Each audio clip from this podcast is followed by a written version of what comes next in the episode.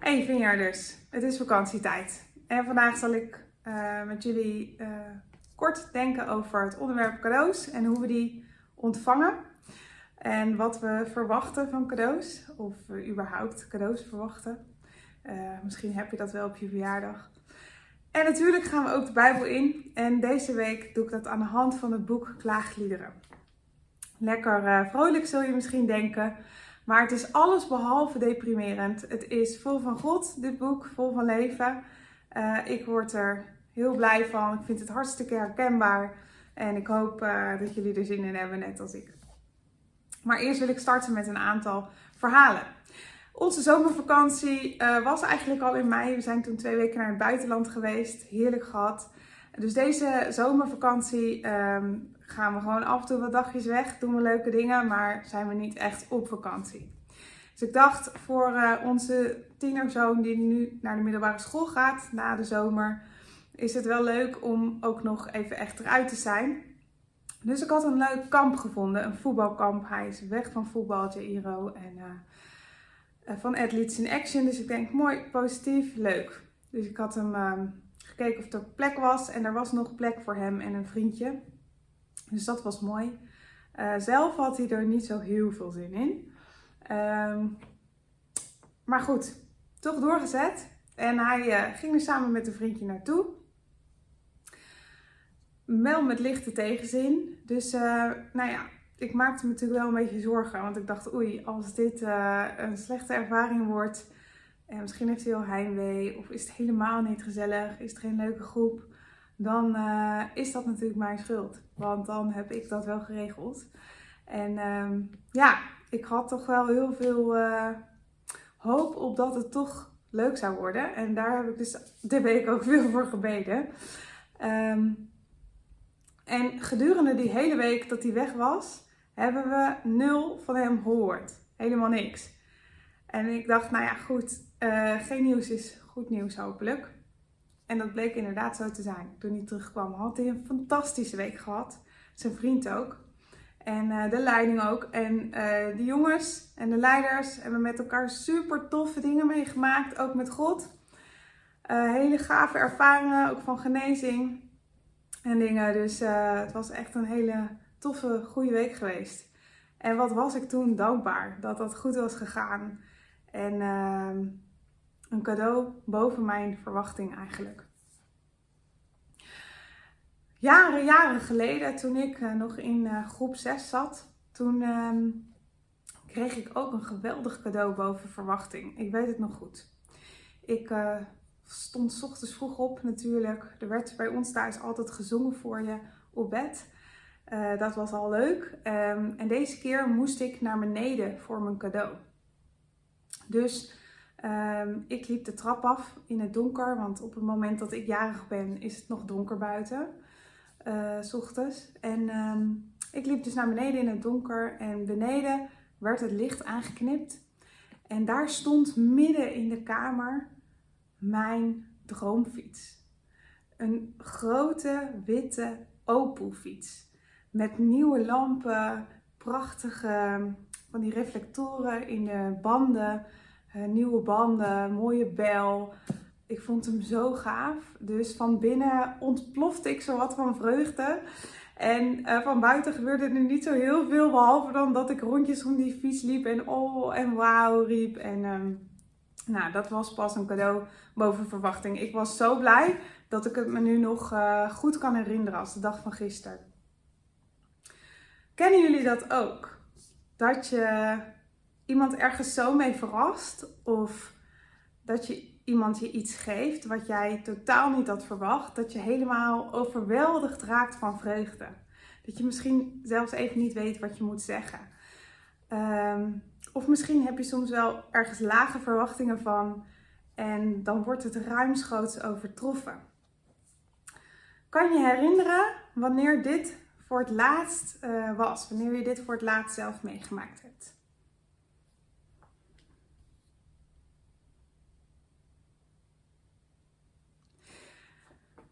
Ik las laatst een verhaal van iemand die uh, aan een nieuwe baan was begonnen.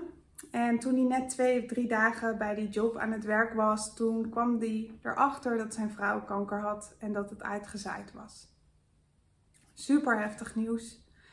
En dat vroeg dus tegelijkertijd om een andere focus dan uh, je werk en inwerken in je nieuwe baan.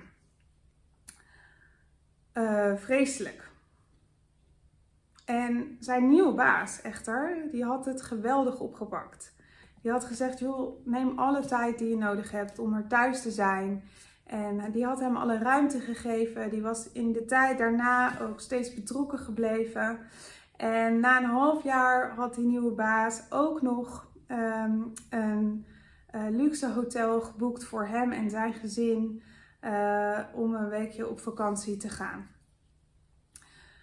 En ik dacht, wauw, als je als werkgever zo daarmee om kan gaan, dat is geweldig. En misschien ook wel normaal voor sommige mensen, maar uh, ik denk niet in deze wereld heel normaal. Dus ik kan me zo voorstellen dat deze man, uh, toen hij dit meemaakte, ook misschien wel overweldigd was. Of ontroerd uh, over um, wat, nou ja, wat een vrijgevigheid die vanuit zijn werkgever kreeg. En um, nou ja, uh, hoe bijzonder dat, dat een werkgever waar die pas twee dagen aan de slag was, uh, zo betrokken was en hem zo ruimte gaf en overladen met cadeaus eigenlijk. Ik hoop dat jullie ook zulke momenten kennen. Dat je boven verwachting verrast wordt. Dat je misschien wel ontroerd bent of overweldigd van blijdschap omdat je iets krijgt wat al je verwachtingen overtreft of um, nou, waar je super blij mee bent. En toen dacht ik, heb jij ook wel eens zulke momenten met God?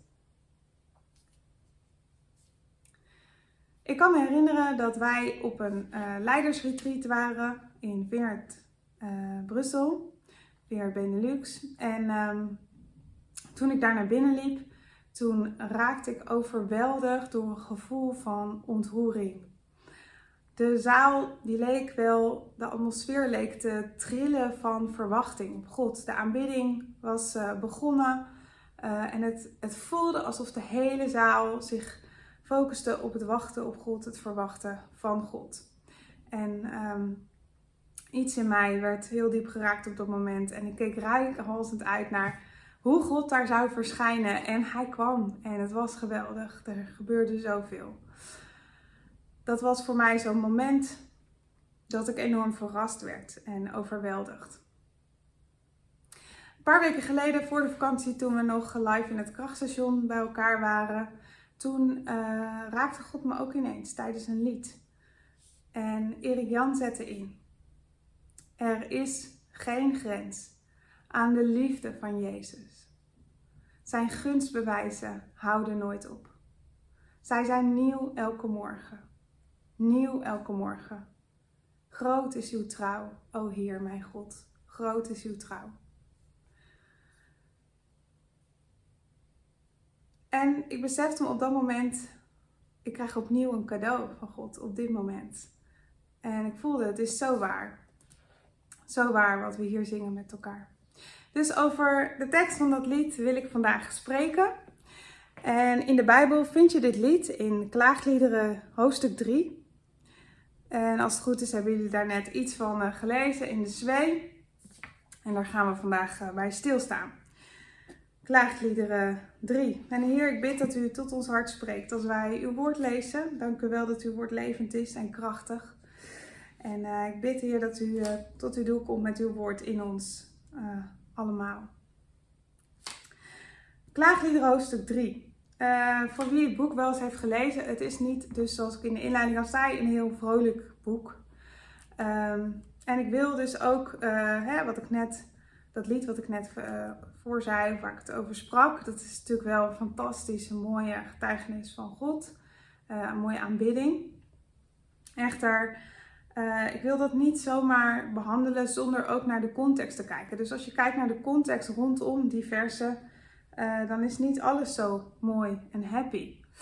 Um, het gaat over een tijd uh, waarin Jeremia dit schrijft, uh, waarin het volk van Israël het verbond met God heeft verbroken. De eenheid met God heeft verbroken en ten gevolge daarvan heel veel ellende over zich heen heeft gekregen. Er is een heleboel ellende gekomen. En als je de stukken daarvoor leest, dan zie je wat voor ellende dat is, wat voor gevolgen dat zijn. Uh, er liggen mensen op straat, dood, mannen, vrouwen. En de vijanden van hen lachen hen uit en ze worden beledigd door hun vijanden. En ze hebben enorme pijn. Ze schreeuwen het uit. Ze jammeren en huilen en smeken. Dus er is heel veel verwoesting. Dit is geen mooie tijd uh, voor het volk Israël en ook niet voor Jeremia. En hier wil ik heel graag even een klein uitstapje maken. Want er zijn mensen die dit lezen, misschien ook wel zonder context. En die zeggen dan: hé, hey, maar dit wat we hier lezen, dat kan toch niet onze God zijn? Want onze God is toch liefde? En dat is op zich een terechte vraag, maar dan denk ik dat het goed is om toch naar de context te kijken. En misschien nog wel breder dan het boek Klaagliederen. Misschien wel naar de hele Bijbel, waarin we de geschiedenis zien van Gods grote liefde voor zijn volk en hoe het volk bij tijd en wijle uh, God de rug toekeert en zijn eigen weg gaat. Afgoden aanbidt, bijvoorbeeld de afgod Baal. En een onderdeel van die dienst aan Baal was bijvoorbeeld het offeren aan de god Moloch. En die god, die, of god, die god vroeg kindoffers. Er waren echt verschrikkelijke gevolgen uh, die er kwamen op het moment dat ze zich niet meer hielden aan de dingen die goed voor hun waren, die God had ingesteld, die God hen verteld had en ze God eigenlijk de rug toekeerden. En die gevolgen, um, toen moest ik ook denken ja, aan het uh, verhaal van Hosea, de man die in de Bijbel wordt beschreven, die een leven leidt waarin hij gevraagd wordt een vrouw te trouwen die een hoer is. En vervolgens um, doet hij dat en die vrouw bedriegt hem daarna ook nog keer op keer. En zijn leven staat eigenlijk symbool voor God, uh, de man die zich verbindt aan het volk Israël en dus ook symbool voor het volk Israël, het als een overspelige uh, vrouw is.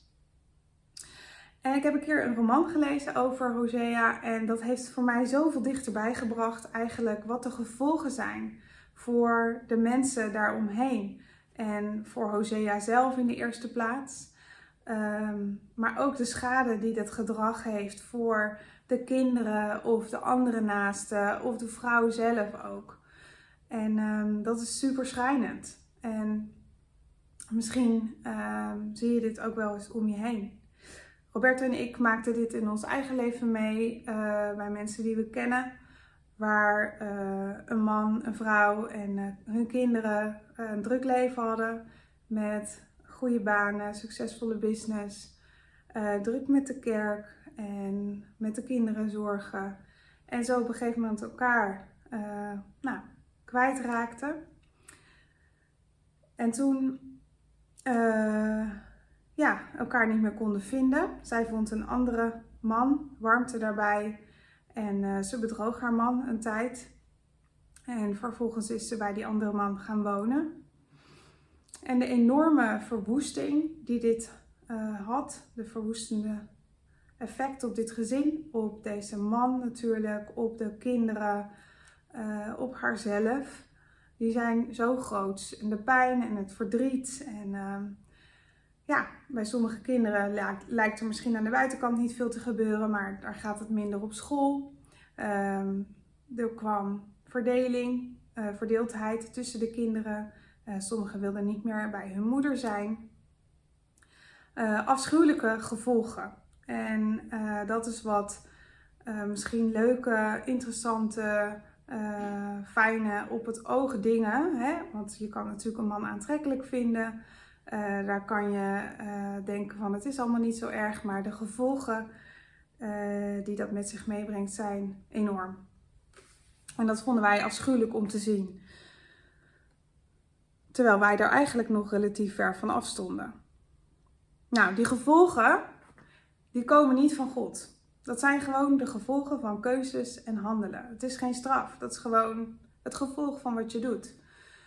Ehm, en God houdt die gevolgen ook niet tegen. Want stel dat hij dat zou doen, dan waarschijnlijk leer je er niks van. Uh, plus daarbij, eh, stel dat, je, stel dat hij dat zou doen, dan zou het ook nog kunnen lijken alsof het gezegend wordt, dat gedrag. Ehm, wij hebben allemaal gewoon te maken met dat we moeten dealen met gevolgen van onze keuzes en ons handelen. En niet alleen ons handelen van onszelf, maar ook van onze naasten. En dan Jeremia. Deze man had de opdracht om het volk terug te roepen naar God. En met die opdracht was ook zijn leven getekend. Hij moest ook zelf veel ellende meemaken met deze roeping. Nou, misschien ga jij op dit moment ook wel door grote moeilijkheden. Misschien heb je te maken met veel verdriet, ehm, moeite. Of ken je iemand anders die veel verdriet heeft. En dan kan je je wellicht wel relateren aan Jeremia of aan het volk Israël. En dan is het uh, ook wel zo wellicht dat je wat hebt om te klagen. Net zoals Jeremia dat had. En ook het volk Israël dat had. En dat staat even los van de schuldvraag. Maar dan kom ik bij het vers 21. En wat Jeremia daar doet, dat raakt mij zo erg. Dat vind ik zo mooi. En uh, in de Nederlandse vertalingen is uh, dat niet helemaal uh, goed vertaald. In de zin van het, wat ik ervan lees, past dat niet helemaal bij wat er in de grondtekst staat. Dus als je ook in het Engels leest, dan helpt het denk ik om de Engelse vertaling, een Engelse vertaling te lezen. Want wat daar eigenlijk in de grondtekst staat in vers 21, hè, na al die ellende die hij genoemd heeft, wat over hen gekomen heeft, wat over hemzelf gekomen is, Jeremia, uh, daar heeft hij allemaal opgenoemd, daar heeft hij zich over beklaagd. Maar dan in vers 21 staat er: This I recall to my mind. Wat hij daar eigenlijk zegt is: Maar ik roep mezelf dit in herinnering. Ik herinner mijn hart, mijn denken, mijn wil. Ik herinner mijn innerlijke wezen eraan wat mij hoop geeft. Dus Jeremia dwingt zichzelf hier eigenlijk uh, zijn hele innerlijke wezen eraan te herinneren wat hem hoop geeft. En dat is een bewuste actie. Dat is een bewuste keus om dat te doen. Misschien word jij ook wel eens overweldigd door je omstandigheden. Of het nou je eigen schuld is of niet. Um, ten neergedrukt door tegenslagen of overspoeld door verdriet. Of misschien heb jij wel zo'n druk leven met een hele drukke baan die heel veel stress oplevert, dat je je afvraagt of je nog wel gelukkig bent of ontspannen kunt zijn. Of misschien heb je wel grote zorgen om een kind of om een van je ouders. Er kunnen een heleboel dingen zijn die, je zo, die ons zo in beslag nemen dat we bijna vergeten wat onze hoop is. Wat hoop is. En als dat soms voor jou geldt, net dat dat voor mij soms geldt, dan helpt het om onszelf eraan te herinneren wat onze hoop is. Waar je hoop vandaan komt. En bij mij werkt het dan goed om te aanbidden. En juist als ik geen zin heb om te aanbidden, dan is dat precies het goede moment om wel te gaan aanbidden. Een tijd geleden sprak Michiel in de Vineyard over aanbidding. En hij legde uh, de definitie van aanbidding ongeveer als volgt uit. Ik zeg het even in mijn eigen woorden. Aanbidding is God verhogen en Hem de plek geven die Hem toekomt. En zelf de plek innemen die jou toekomt. God verdient onze verering onze aanbidding. Dat wij Hem verhogen en zelf een plek innemen aan Zijn voeten. En net als Jeremia kunnen wij onszelf eraan herinneren wat ons hoop geeft. En in het volgende vers, vers 22, ehm, gaat Jeremia daar verder op door wat hem hoop geeft. Hij zegt dan eigenlijk ehm, dat door de genade, door de gunst van God, Hij er nog is. En omdat zijn meeleven, zijn compassie nooit faalt. Dus met andere woorden, daar kunnen we altijd op vertrouwen. Gods genade is altijd groter. Zijn compassie met ons faalt nooit. En het is ook een antwoord op elke moeilijkheid waar we mee te maken krijgen. God komt met zijn liefdevolle vriendelijkheid tegemoet aan de noden van zijn schepselen. Door gunstbewijzen en voordelen te geven. Aan ons, de mensen die hij gemaakt heeft. Hij heeft ons gemaakt en hij heeft besloten om trouw aan ons te zijn. En in vers 23 gaat hij nog verder. Zijn gunstbewijzen zijn elke dag nieuw. En dat woord wat daarvoor nieuw gebruikt wordt, dat komt van het woord gadash. En dat betekent zoveel als hernieuwen, repareren. Dus eigenlijk staat er: Gods genade is groot genoeg om ons te herstellen en te vernieuwen. Dat is toch geweldig? Gods genade. Elke ochtend geeft hij ons nieuwe cadeaus, nieuwe gunsten, voordelen. Omdat hij zo is. Hij is vol goedheid. Hij heeft het beloofd en hij komt zijn belofte ook na. Hij wil ons zijn goedheid betonen en dat doet hij elke dag opnieuw, omdat hij trouw is. Ons leven hier aan deze kant van de zon is niet altijd gelukkig, niet altijd leuk, niet altijd positief. We hebben te maken met tegenslagen en verliezen. En momenten dat we gebukt gaan onder stress, onder verdriet of onder lijden. En daar is geen quick fix, voor. En het is ook niet bedoeld om daar met een shortcut doorheen te gaan. Om daar zo snel mogelijk vanaf te komen. Er is ook alle ruimte om daarover te klagen. De vraag is alleen, wat doet dit met onze relatie met God? Hoe kijk jij naar God en ben je nog wel bereid om verrast te worden? Verwacht je nog dat God zijn gunsten aan jou geeft? Ben je bereid om jezelf te herinneren aan die waarheid? Namelijk dat je er dankzij God nog bent dat zijn compassie voor jou geen einde kent. Het is eindeloos, eeuwig. Het allergrootste cadeau wat wij ooit kunnen ontvangen of ontvangen hebben, is het cadeau van de Zoon van God, Jezus. Hij, de God de Vader, heeft ons zijn Zoon gegeven. Hij is opgeofferd voor ons, om ons te redden. Jezus is voor ons aan het kruis genageld om de verbinding en de eenheid met God te herstellen. Die eenheid weer mogelijk te maken. Wij kunnen weer verbinden omdat God door Jezus de verbinding hersteld heeft. En er is echt geen groter cadeau dan dat.